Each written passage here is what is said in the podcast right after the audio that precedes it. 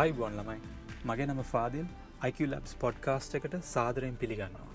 මේ පොඩ්කාස්ට් එකේදී මගේ YouTube චැනල් එකේ තියෙන සයින්ස් ටෝක් සහ රිසර්ච් ඩවයිස් විඩියෝස් වල ඔඩියෝ ෆයිල්ස් එක තමයි දාන්නේ. ඕට මේකේ විඩියෝස් බාන්න ඕන්නම් කරුණා කරලා YouTube චැනල් එකට යන්න youtube.com/iqlabs කියල ගහලා. ඔන්න එනම් අපි පටන් ගවම් අයිබන් කටය අද අපේ ශෝයකට මම ඉන්වයිට් කරනවා ඇමරිකාවේ ටෙක්සස් ඒනම් යුනිවර්සිටිය එක කෙමිස්ට්‍ර පHටයක් හදාරණ අපේ කැම්පස් එක අක්ක කෙනෙක්. ඉතින් මේ අක්ක නම මල්ෂා උද්‍යකාන්ත අයිබොන් කියල පිළිගන්නවක්කේ හයිබොන් අපි කොහෙන්ද මේ ගමන පටන් ගන්න ඇක්කේ අපොට අකා ගැන කියන්නකෝ. ඔව ගමන පටන් ගන්න කියලා හාමතින් කෙමිස්ට්‍රි ගමන පටන් ගන්න මංහිතන කැම්පස් ඉලෙක්ට්‍රක්ෂ කාලෙඉදලා කැම්පස් එක දැන් බොර්කයන් ඔන්න මට ඔවමනාව තිබුණ මෙඩිසින් යන්න බයසන්සල මෙඩිසින් යන්න. ඉති මෙඩිසින් යන්න මට ලකුණු මති වුණ. මෙඩිසින් යන්න ලකුණු මති වෙලා ඊළඟට මගේ තිබුණා පොලිසි එකක්. ගෙදරින් මට පිට ඉන්න බෑමන් ගෙදරින් පිටයන් නෑකිය එදකොට මෙඩිසින් ගාව තියෙන ඊළඟ ඔප්ෂණ එක තමයි ඩෙන්ටල් යන හැබැ තියෙන පේර මයි ඔප්ෂණ එක කෙලින්ම කට්බනවා පේරදින යන්න බෑමට කියලා ඊට පස්සේ මගේ ඔප්ෂන් එක කොළඹ සයින්ස් ෆැකල්ටි සයින්ස් ෆැකල්ටියාවා ඒ ඇවිල්ලා මං හරි ආසයි ෆිසික්ස් වලට ඇත්තටම කෙමිස්ට්‍රි වලට වඩා. මේ ෆිසික්ස් මට පුළුවන් කෙමිස්ට්‍රි වලටත් වඩා. ඒකත් දන්නවා හැමෝම. මේ ඒ වුණාට ඉතින් බයෝ සයන්ස් කරලා සයන්ස් ෆැකල්ටි ආපුවාම ෆිසික්ස් ගන්න බෑ සබ්ජෙක්ට් එකක් ඒක තමයි. මං ගිහිල්ලා කතා කරා ඒ කාලේ ඩීන් හිටියේ ආර්ය රත්නසර්. ආර්ය රත්නසර්ට කතා කරාම ආර්ය රත්නසර් මට විනාඩි 20ක විතර දේශනාවක් දීලා කියනවා පුතා මෙහෙමයි. ෆිසිකල් සයන්ස් කරලා එන මැත්ස් කරලා එන ළමයි එක්ක ඔයාට කම්පීට් කරන්න වෙනවා. අවුරුදු දෙකකට පස්සේ තමයි තේරෙන්නේ ස්පෙෂල් සිලෙක්ට් කරනකොට මොකද ඔයාගේ කම්බිනේෂන් එකට ස්පෙෂල් එකක් ගන්න බැහැ හරි හරි. ෆිසික්ස් එතකොට නැති ඒක ඊට පස්සේ නෝ ඔප්ෂන් කෙමිස්ට්‍රි ස්පෙෂල් කරන්න පටන් ගත්තා. අද ඉතින් ඊට පස්සේ PhD එකේ ඔන්න ලෑන්ඩ් කරලා ඉන්නවා. ආ නියමයි එදරක්කේ කිවගේ කෙමිස්ට්‍රි ගන්න ආසාාවේ කළම්බ කැම්පස් එකේ. අපි කතා කරනවාගේ වගේ රිසර්ස් ප්‍රජෙක්් එක සහන් දුරට ගැන ලුක් එකන ලොක ඉම්පක්ටක් වෙලා දින අපේ ගැන කතා කරම. කළම්බ කැම්පස් එක කරපු රිසර්් ප්‍රජෙක්් ගැන. කළම්බ කැම්පස් එක රිසර්් ප්‍රජෙක්් ඇත්තරම මං හිතන්නේ ඒක අර හොඳමදේ හොඳම තැන හොඳම වෙලාවේ ලැබීම සම්බන්ධයෙන් ආපු අවුට්කම් එකක් තමයි ඒ රිසර්ච් ප්‍රොජෙක්ට් එක කියන්නේ. රිසර්ච් ප්‍රොජෙක්ට් එක පටන් ගත්තේ අපි මාර්තු ඊට පස්සේ කොහොම හරි ඩිසෙම්බර් වෙනකොට අපි ඉවර කරන්න ඕනේ තීසිස් එක ලියන්න ඕනේ කියලා. ඔය අතරේ කොහොම හරි මාස 3කින් විතර තිබුණා ප්‍රෝග්‍රස් ඉන්ටර්විව් එකක් එහෙම. ඒ ඒ දේවල් සිද්ධ වුණා අන්තිමට කොහොම හරි අපේ කැම්පස් එකේ මට ඕන කරන විදිහට මගේ රිසර්ච් එකේ කටයුතු කරගන්න බැරි වීමකට මට සිද්ධ වුණා මගේ ගේ ඇතුලේ පොඩි පහේ ලැබ් එකක් හදාගෙන ඉතුරු සින්තසිස් ටික ගෙදර ගෙනියන්න. අප්පා. එහෙම කරලයි රිසර්ච් එක ඔතෙන්ට ආවේ උනට මට හරි සන්තෝෂයි මම හිතන්නේ අන්ඩර්ග්‍රැජුවේට් රිසර්ච් එකකින් අපි ඉන්ටර්නැෂනල් පබ්ලිකේෂන් එකකට ගියපු පළවෙනි වතාවේ. නියමයි. අක මේ පේටන්ට් එකකුත් තියෙනවනේ ඒකට. පේටන්ට් එක තියෙන්නේ අතර මලි. ඒකට නෙමෙයි පේටන්ට් එක තියෙන්නේ මගේ මම ස්ලින්ට් එකේ කරපු ප්‍රොජෙක්ට් එකට. හරි හරි. ස්ලින්ට් එකේ රිසර්ච් ප්‍රොජෙක්ට් එක තමයි පේටන්ට් එක තියෙන්නේ. හරි හරි. වව් නියමයි. එතකොට කාත් එකද අක්ක වැඩ කරේ? එතක මේ එක්ගැන පොඩක් ඉලබරේට් කරන්න පුළුවන්ද? මේක මේ මොකද ප්‍රොජෙක්ට් මගේ අන්ඩර්ග්‍රැජුවේට් ප්‍රොජෙක්ට් එක ඇත්තටම professor Rohini De Silva and professor Nalin De Silva සර්විනිස්සේ තමයි මගේ සුපර්වයිසර්ස්ලා දෙන්නට හිටියේ. ආයේ මගේ ඒ ප්‍රොජෙක්ට් එකේ තිබුණා මේ බැක්ටීරියල් ඇන්ටි මයික්‍රෝබියල් පාර්ට් එකකුත්. එතකොට ඒ කොටසට ඩොක්ටර් චමරි තමයි ඒ කොටසට මට හෙල්ප් කරේ. ඉතින් ඔය තුන් දෙනා සහ මම අපි හතර දෙනාගේ එකතුවකින් තමයි ඔය ප්‍රොජෙක්ට් එක කරන්නේ ප්‍රොජෙක්ට් එකේ මට කරන්න තිබුණේ මේ වෝටර් පියුරිෆිකේෂන් ප්‍රොජෙක්ට් එකක් ඒක. එතකොට අපිට ලංකාවේ තියෙන දැන් අපි දන්නවනේ ඕන තරම් අපිට ග්‍රැෆයිට් තියෙනවනේ ලංකාවේ අඟුරු කෑලි ඕන තරම් හැමතැන. එතකොට ඕක කාබන් වල විවිධ ආකාර ලංකාවේ ඕන තරම් හොයාගන්න පුළුවන්. ඒ වයින් අපිට ලංකාවේ තියෙන බැරලෝහයින් කරන්න පුළුවන්. ඩිස්ඉන්ෆෙක්ෂන් කරන්න පුළුවන්. ඔක්කොම දේවල් එකට එකතු කරපු ප්‍රඩක්් එකක් හදන්න තමයි ටාගට් එක. එතකොට professor Nalin and professor Rohini ඒ දෙන්නගේම කලින් කරපු uh, රිසර්ච් තිබුණා හයිඩ්‍රොක්සි අපටයි uh, කියන මිනරල් එක. යස් කරන හැටි නැනෝ හයිඩ්‍රොක්සි අපටයිට් කොහොමද මහා පරිමාණයෙන් හදන්නේ uh, ඉක්මන් ප්‍රතික්‍රියාවකි එතකොට ඒ දේවල් ඩක් කරගෙන හයිඩ්‍රොක්සි අපටයිට් හදලා ඒ හයිඩ්‍රොක්සි අපටයිට් ඇක්ටිවේටඩ් කාබන් වලට ඉන්ෆියස් කරලා එයාට ඇන්ටිමයික්‍රෝබියල් ප්‍රොපර්ටිස් දෙන්න මම තව එකතු කරා කර්කියුමික් කර්කියුමික් කියන්නේ අපේ ඔය සාමාන්‍යයෙන් ආහාරයට ගන්න කහරි. කර්කුම කර්කමා වල තියෙන ඇන්ටිඔක්සිඩන්ට් ඇන්ටි කැන්සර් ඔක්කොම ඒක ප්‍රොපර්ටිස් ගොඩාක් තියෙනවා ඇන්ටිමයික්‍රෝබියල් ඇන්ටි විරුසිද ඔක්කොම තියෙනවා ඒ මොලිකියුල් එක අරගෙන ඒකත් මේකට ඉන්ෆියුස් කරා. එතකොට මේක කෑලි තුනක කොටස් තුනක එකතුවක් සාමාන්‍ය අඟුරු වලින් පෙරුවාම හොඳට දස් රස් ඔක්කොම පිරිසිදු වෙනවා. ඒ සියල්ල චාකෝල් වලින් කරනවා. ඇක්ටිවේටඩ් කාබන් වලින්. පර්ෆියුමින් වලින් ඩිස්ඉන්ෆෙක්ට් කරනවා. හයිඩ්‍රොක්සි අපටයිට් තියෙන හින්දා නැනෝ ටෙක්ස්චරේෂන් එක තියෙනවා. ඒකෙන් තවදුරටත් ඇන්ටිබැක්ටීරියල් ඉෆෙක්ට් එක වැඩි වෙනවා. ඉතින් ඊට පස්සේ අපි ඒක ටෙස්ට් කරා ඇන්ටිබැක්ටීරියල් ප්‍රොපර්ටිස් වලට. බැක්ටීරියල් ප්‍රොපර්ටිස් හොඳයි.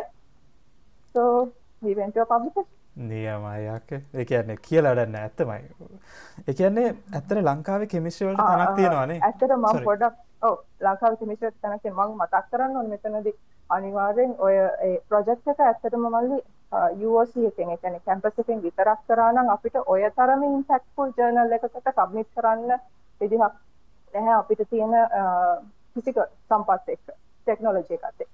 එතනදී මම ඇත්තටම මතක් කරන්න ඕන ස්ලින්ටෙක් එක. Right. අ, ශ්‍රී ලංකා නැනෝ තාක්ෂණ ආයතනය. එතනින් තමයි අ, මට ඕන කැරක්ටරයිසේෂන් ඔක්කොම අපි කරගත්තේ? අ, SEM, CEM, TGA, XRD, අ, FTIR අරුණාම ඉතුරු සියල්ල. අපි කැම්පස් එකේ FTIR මැෂින් එක විතර ඒ වෙනකොට තිබුණේ. FTIR කරේ අ, UOC එකෙන් ඉතුරු සියල්ල ස්ලින්ටෙක් එකේ බරපැන ඒ වෙනුවෙන් අ, මහන්සි වෙච්ච අපේ සීනියර්ස් ලගේ දහඩිය කඳුළු ප්‍රොෆෙෂනලින්ගේ ඒ වෑයම් සියල්ල ඒ ඔක්කොම එකතු වෙලා තමයි මේක රිසර්ච් ආටිකල් එකක් විදිහට එළියට එන්නේ. නියමයක ඒ කියන්නේ අ, ගොඩක් අපේ එකන අපේ ලං- ළමයි අර හැමතිසම කැම්පස් එන්නේ මේක මගේ කරුමයක් හැටියට හිතාගෙනනේ. ඒගැන්නේ මට මෙඩිසින් හම්බුන් නෑ නැත්ත මට එන්ජිනීරින් යන්න බැරි වුණා.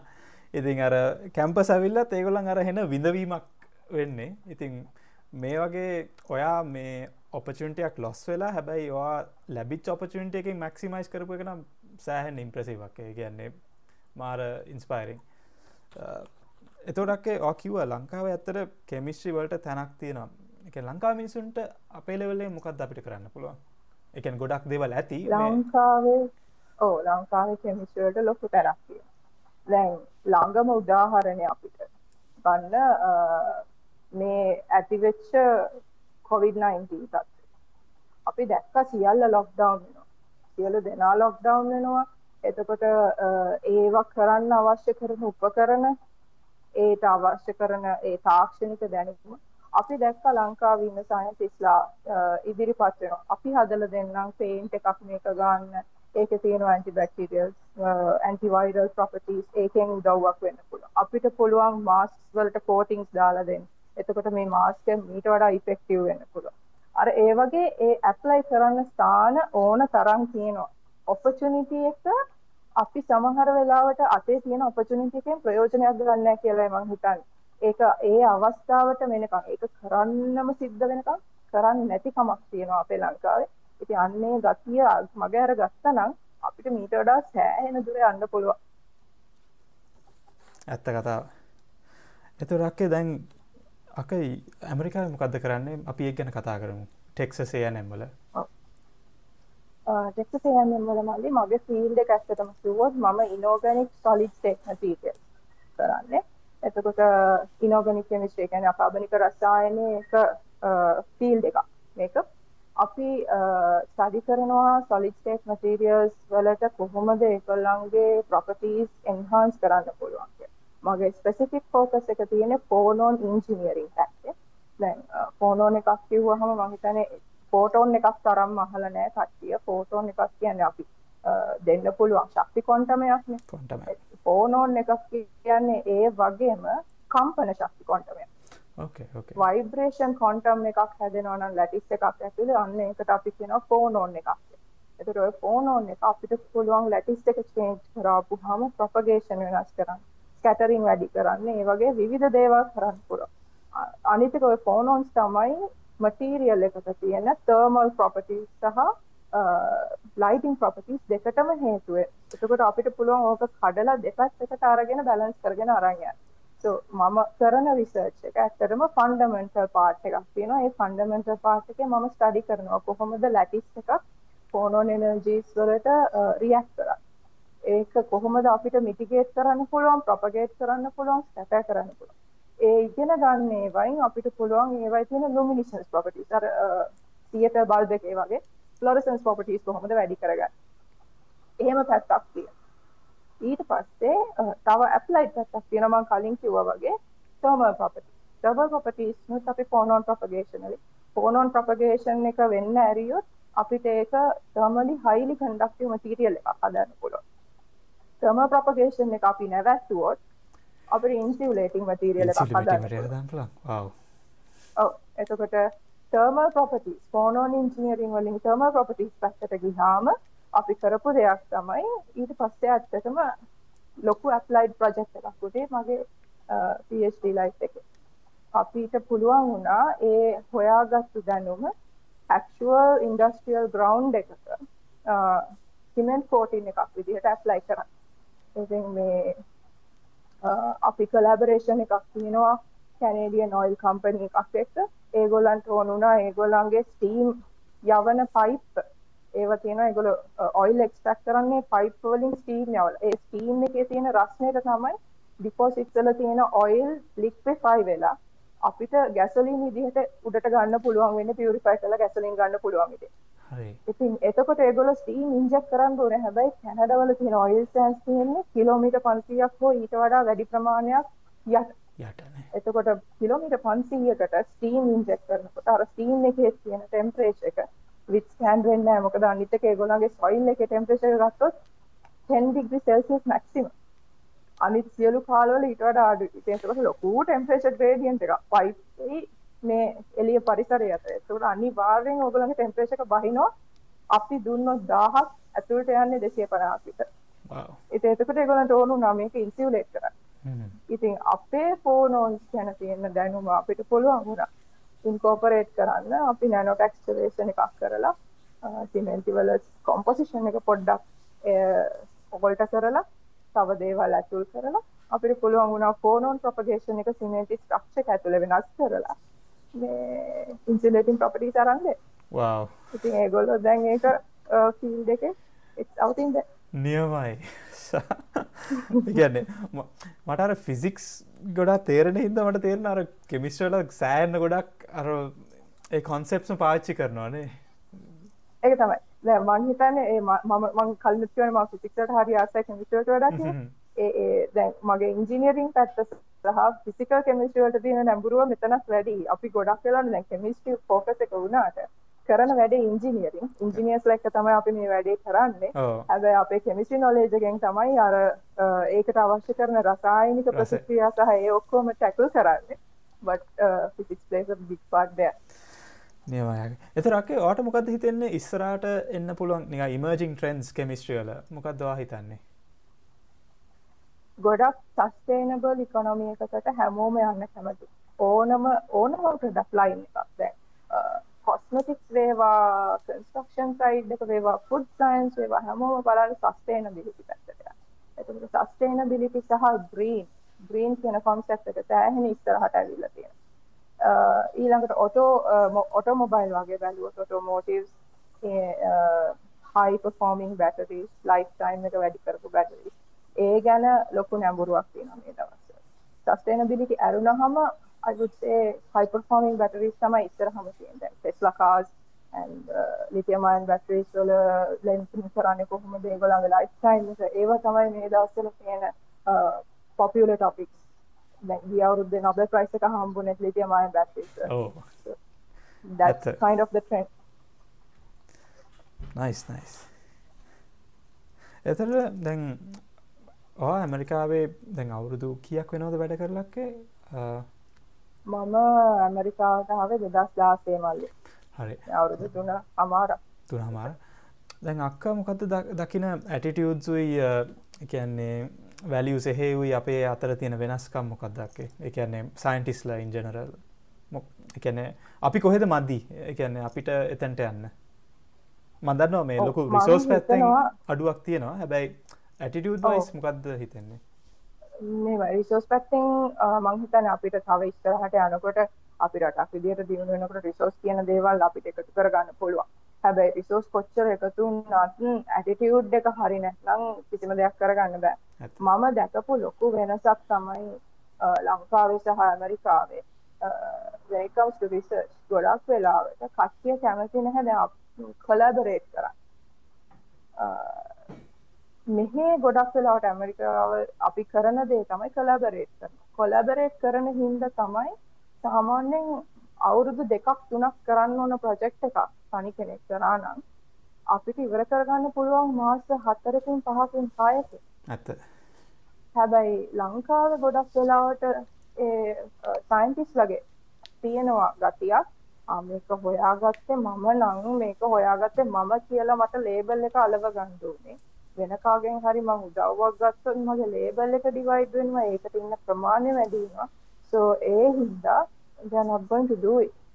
ඒකෙන් වෙන්නේ සමහරලාට ඔබට තියෙන ද රිසර්ච් නොලෙජ් එකක්. ඒ රිසර්ච් ඉෆෙක්ටිවිටි එක අඩු වෙනවා කාලය යනවත් එක මොකද ලෝකෙ සෑහෙන දුවලා ඉවරයි.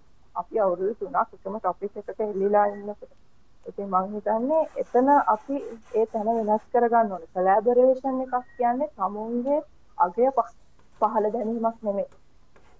හැම දෙනාගෙම කොටහ කොටහ එකතු වෙනකොට අගේ තව වැඩි වෙන එකයි වෙන්නේ. සහ ඒකෙම දෙයක් අර මොකද සිංගියුලැරිටි එක නැතුව ප්ලූරැලිටි එකෙන් එන ඉෆෙක්ට් එක සමරන්න තරම් මං හිතන්නේ අපි හරිම හම්බල් වෙන්න ඕනේ කියලා. ඇත්ත. ඒ ගතිය සෑහෙන අඩුයි ලංකාවේ.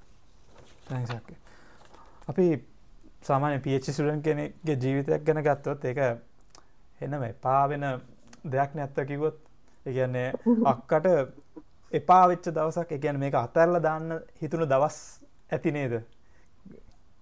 එකන්නේ මන්ද දැන් දැන් හෙන දැන් ඔක්කොම හෙන වැඩ. හැබැයි පටන්ග නිද්දි ඔවු.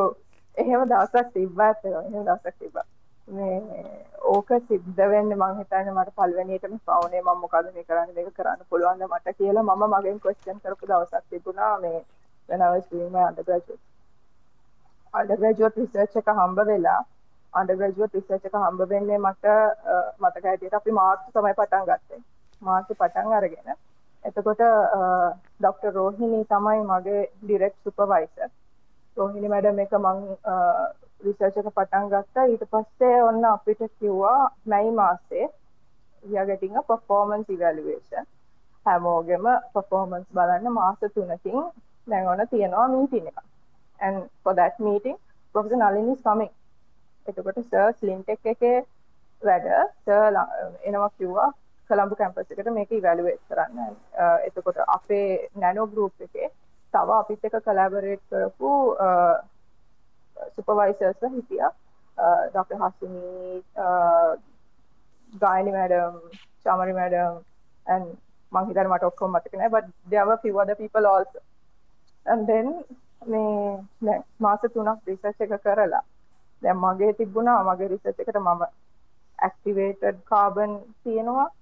කර්කියුමින් මට ගෙනල්ලා දීපු හරිම ගණන් කර්කියුමින් ප්‍රොසනලින් මට කරපු කර්කියුමින් ග්‍රෑම් එකක් තිබ්බා.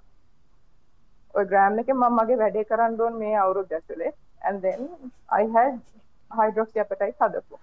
දැන් ඔය තුන එකතු කරන්න එපා. මම ඔය තුන එකතු කරා මම ගන්න හැම ක්‍රමයකටම එකතු කරා. එකතු කරාට අනේ මේක ඉන්නේ නෑ මල්ලි. හරි it's not stable. ඒක ලීච් වෙනවා. So when it comes to the very first meeting I'm like sweating all a lot. එදා උදේ කොහොමරි මට හොඳට මතකයි I was questioning myself do I really have to do this can I actually do this මං කරන කරන වැඩේ හරියන්නේ නැත්නම් මේක කොහොමද මං කරන්නේ කියන තැන තමයි මම හිතේ. And then no option. I had to go and present. මං ඉතින් ගිහිල්ලා මං කියන ඕකේ මම අර එහෙම කරා හරි ගියේ නෑ. මෙහෙම කරා හරි ගියේ නෑ. මෙහෙම කරා හරි ගියේ නෑ. දැන් මගේ ඔක්කොම මුළු ප්‍රසන්ටේෂන් එකම ගත්තොත් ඒක ටේක් හෝම් මෙසේජ් එක තියෙන මේ වැඩේ කරන්න බෑ හරි ගියේ නෑ.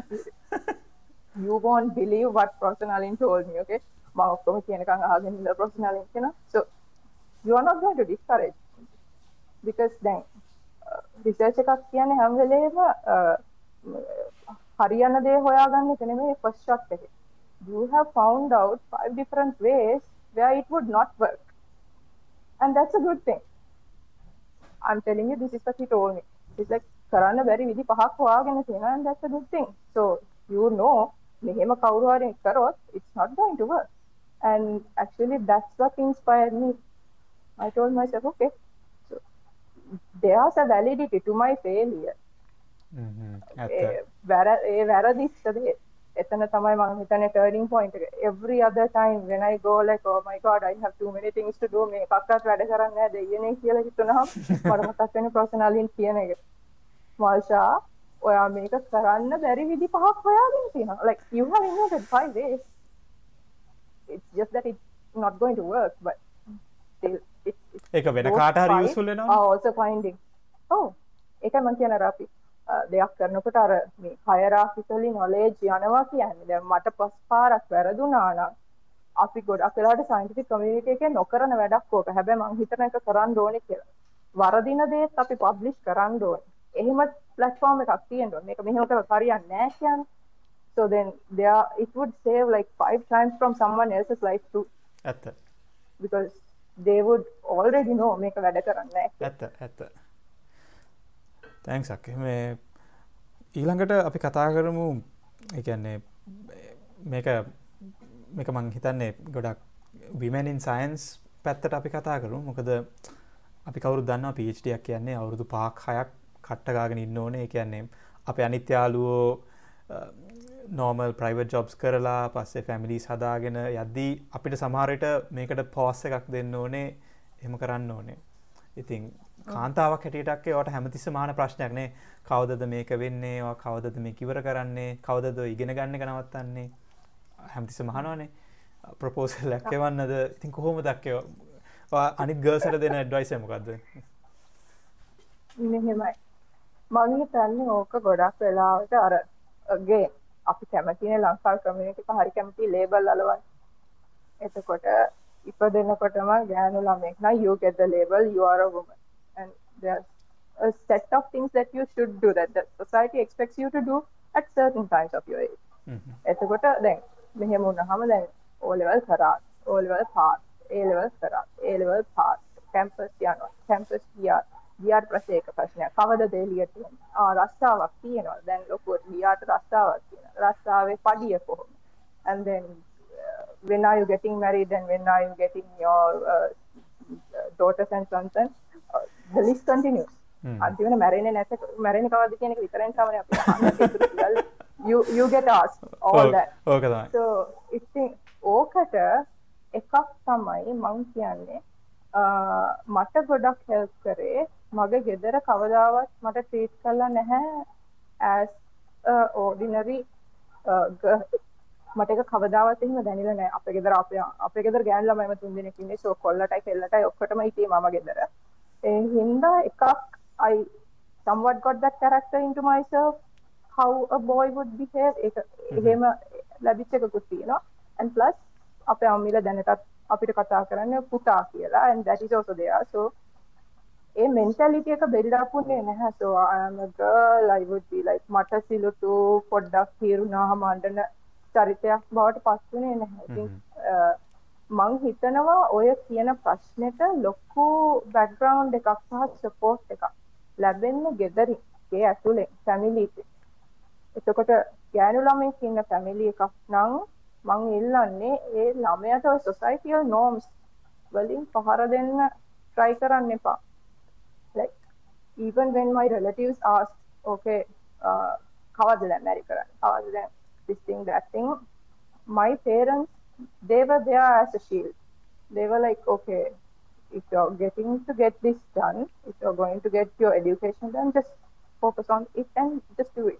ඒකොල කවදාවත් මට ඒ දේවල් වලට පෝස්ට් කරේ නෑ අදටත් එහෙම නෑ සෝ ඒක ලොකු හයියක් අර හිතගෙන ඉන්න when you stand up when you have some pillar to step on it you can keep doing it and එහෙම pillar එක ලොකුවට නැති වුණත් මම කියන්නේ ආත්ම විශ්වාසය කියන එක නැති කරගන්න එපා like if you want to get something done just go get it done because අපේ තියෙනවා සමහර දේවල් ඒ ඒ certain ages වල කරන්න නොකරත් කරන්න බැරි වෙනවා so if you keep it to do at a later time මං හිතන්නේ ඒක ඇත්තට successful වෙන්නේ නැහැ මං කියන්නේ එක පැත්තකට bias වෙන්න කියලා.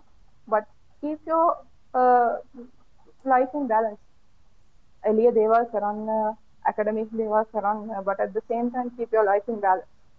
And uh, පිටින් යන දේවල් වලට හොඳම උත්තරේ දෙන්න පුළුවන් through your achievements from your field whatever the field that you are working on.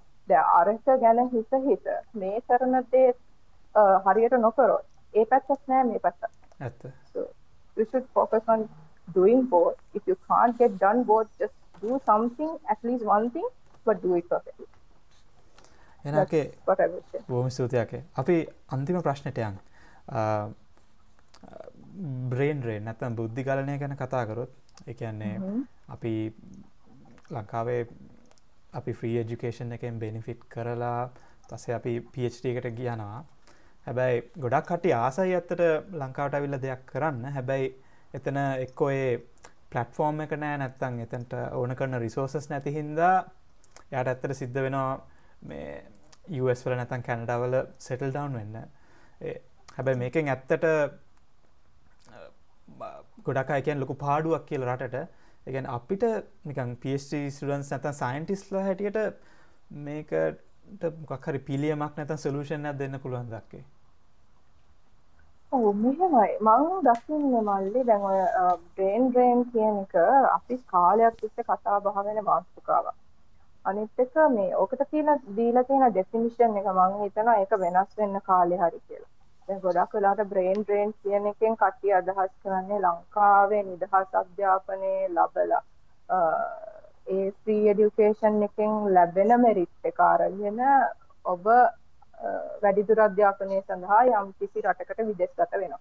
ඒ විදෙස්ගත වුණාට පස්සේ නැවත ලංකාවට නොපැමිණීම තමයි බ්‍රේන් ඩ්‍රේන් කියලා සාමාන්‍යයෙන් ඩිෆයින් කරන්නේ. එතකොට හැදි හැදිච්ච බ්‍රේන් එක ෆිසිකලි වෙන තැනකට ඩ්‍රේන් වෙන එක තමයි බ්‍රේන් ඩ්‍රේන් කියන්නේ. බට් මං හිතන්නේ දැන් මේ ටෙක්නොලොජි එක අපි මෙච්චර දුරකට ඇවිල්ලා තියෙනවා. අපි කියනවා මේක this is the internet of things everybody is connected කොයි ලෝකෙ හිටියත්. දැන් මම ලංකාවේ ඔයා ඇමරිකාවේ but it doesn't feel that that way. ඉතින් ඒ ඒ හින්දා මං හිතන්නේ බ්‍රේන් ඩ්‍රේන් කියන එකක් ඇති වෙන්නේ නැහැ. ඒකට ලංකාවෙන් එලියට එන කට්ටිය හැටියට අපි සහ ලංකාව ඇතුලේ ඉන්න කට්ටිය හැටියට ඒ ලෙජිස්ලේෂන් සදන කට්ටිය ඇති කරගත්තොත් යම් කිසි අන්ඩර්ස්ටෑන්ඩින් එකක් ඔය දෙගොල්ලෝ අතර දැන් මෙහි ගොඩක් වෙලාවට පිටරටකට ඉගෙන ගන්න එන කෙනෙකුට තියෙන ප්‍රශ්නයක් තමයි අපි මෙහි ඇවිල්ලා කරන්නේ sophisticated science up to date technology පැත්තෙන් හරි ඇඩ්වාන්ස් එතකොට මම ඒ කරපු දේ මම ආපහු ලංකාවට කරොත් ඒ මට්ටමෙන්ම කරන්න අපිට ප්‍රතිපාදන සහ ඒ අවශ්‍ය කරන ටෙක්නොලොජි එක නැහැ. එතකොට ඒක ඒගොල්ලෝ ප්‍රශ්නයක් කරගෙන පූර්ව නිගමනයකට එළඹෙනවා මං කරපු වැඩේ my goodness මං ගෙදර ගියොත් මට කරන්න බෑ. so what am I going to do? so the ඒකට එන උත්තරේ විදිහට තමයි no I'm going to settle down here කියන එක එන්නේ. එතකොට what I'm telling is like even if you settle down in some other country still you have your brain and there's a way that you can wire your brain to your mother country. අපිට ඕන තරම් technology තියෙනවා. සෝ ඒ ලබාගත දැනුම ආපහු ලංකාවට දෙන්න ඔබ ඉන්න තැන ප්‍රශ්නයක් කරගන්න එපා. ඔබ ඉන්න තැන ඉඳලා ඔබේ තියෙන ඉන්ටලෙක්චුවල් ඇබිලිටි එක ඔබ ලංකාවට දෙන්න පුළුවන්. අපිට ඒක කතා කරලා Zoom conferences or any other way emails තියෙනවා ලෝකේ මේ දෙගොල්ලෝ කනෙක්ට් කරන platform එකක් හැදෙන්න ඕන මම කියන්නේ. අනිත් එක අපිත් එන්න ඕනේ අර තියෙන වතෙන් එළියට කරන දේම විතරක් මම මේක කරගෙන ඉන්නවා කියන්නේ නැතුව ඒකෙන් මොකක් හරි ඇප්ලයි කරන්න පුළුවන් කොටහ තෝරගෙන අන්න ඒක ඇප්ලයි කරන්න. අපේ මට්ටමේ ඇප්ලයි කරන්න. එතකොට මං හිතන්නේ ලංකාවෙන් කොච්චර අය ඉගෙන ගන්න පිටරටට ගියා. ඒගොල්ලන්ගේ ඒ ලබා ගන්න දැනුම ලංකාවට ගේන්න ක්‍රමයක් තියෙනවා නම් අර ෆිසිකලි බ්‍රේන් එක ලංකාවේ නෑ කියන ප්‍රශ්නේ මතුවෙන්නේ නෑ. ඇත්ත.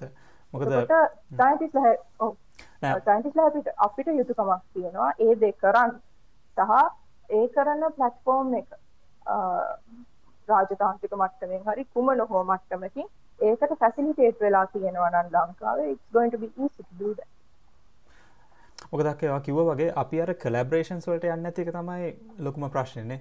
ඒ කියන්නේ දැන් හිතන්න බලන්න මොකක් හරි රිසර්ච් එකකින් අපි ඩේටා කලෙක්ට් කරලා පස්සේ ඒක ඇනලයිස් කරන්න ප්‍රොසෙස් කරන්න අපිට ඉන්ටර්නෙට් කනෙක්ෂන් එකේ වුණත් ලංකාවට යවන්න පුළුවන්. එතකොට ඒක ටෙක්සස් A&M නැත්නම් UOC එක ජොයින්ට් වෙන්චර් එකක්.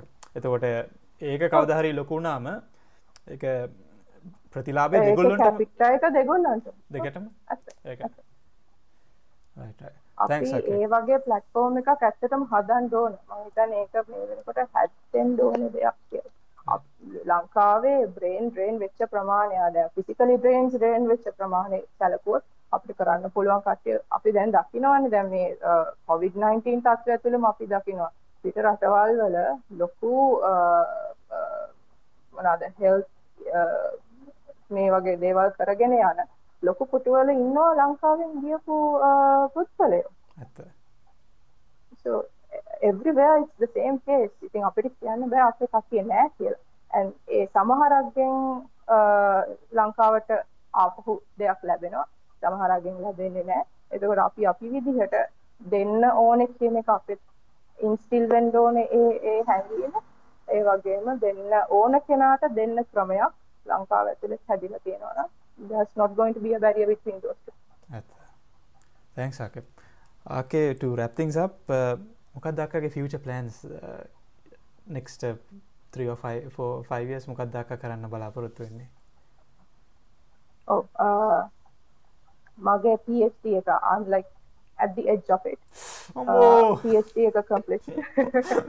PhD එක complete කරලා so then then I I get some uh, validation to my ability to do things. At I get a kind kind of license to do things.